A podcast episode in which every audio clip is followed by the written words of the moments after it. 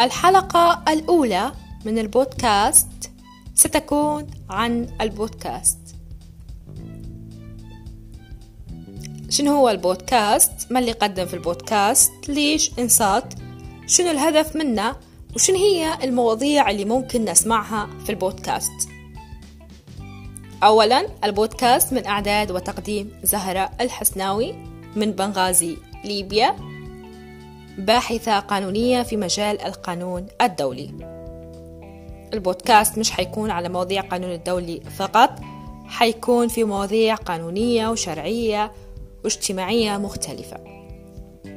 حنعرض سلسلة حوارات عن آخر المستجدات في الساحة القانونية مع بعض المختصين والأكاديميين والممارسين والمحامين.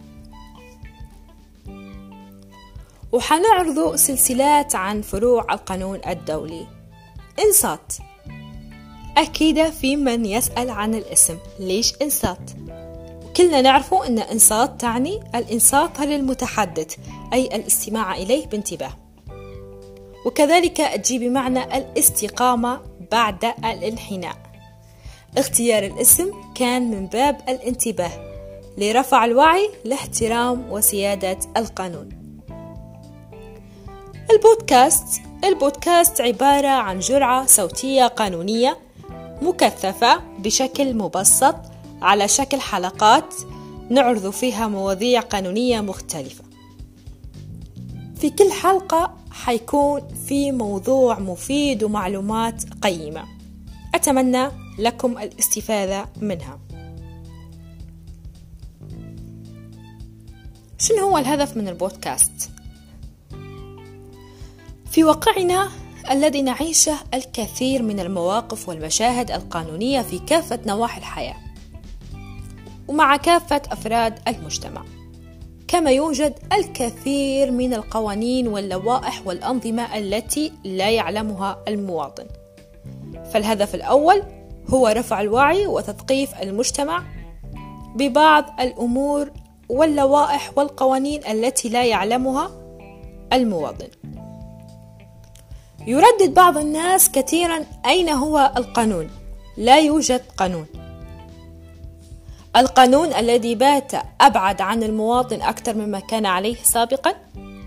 البعض يقول نسمع بالقانون ونرى شعاراته الطنانة ولكن لم نتذوق حلاوته إلا في قضايا لا تغني ولا تسمن من جوع. فإن عدم الاستقرار الذي تعاني منه المجتمعات العربية في الوقت الحاضر له انعكاساته على الصعيد القانوني. الأمر الذي أدى إلى عدم احترام القانون وتفشي الفساد بكثرة في هذه الدول. فنحن اليوم بحاجة إلى غرس ثقافة احترام القانون إذا أردنا إعلاء دولة وسيادة القانون. والهدف الثاني هو نشر الثقافة القانونية ورفع الوعي العام لدى المجتمعات.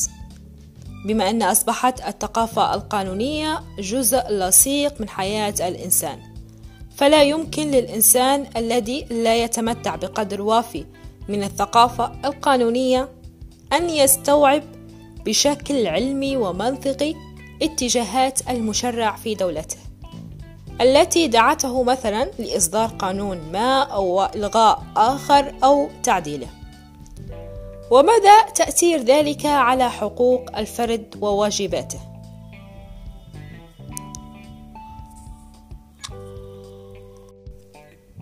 أتمنى لكم استماعا ممتعا ومفيدا وجرعة صوتية قانونية ثرية. بودكاست إنسات معي أنا زهرة الحسناوي.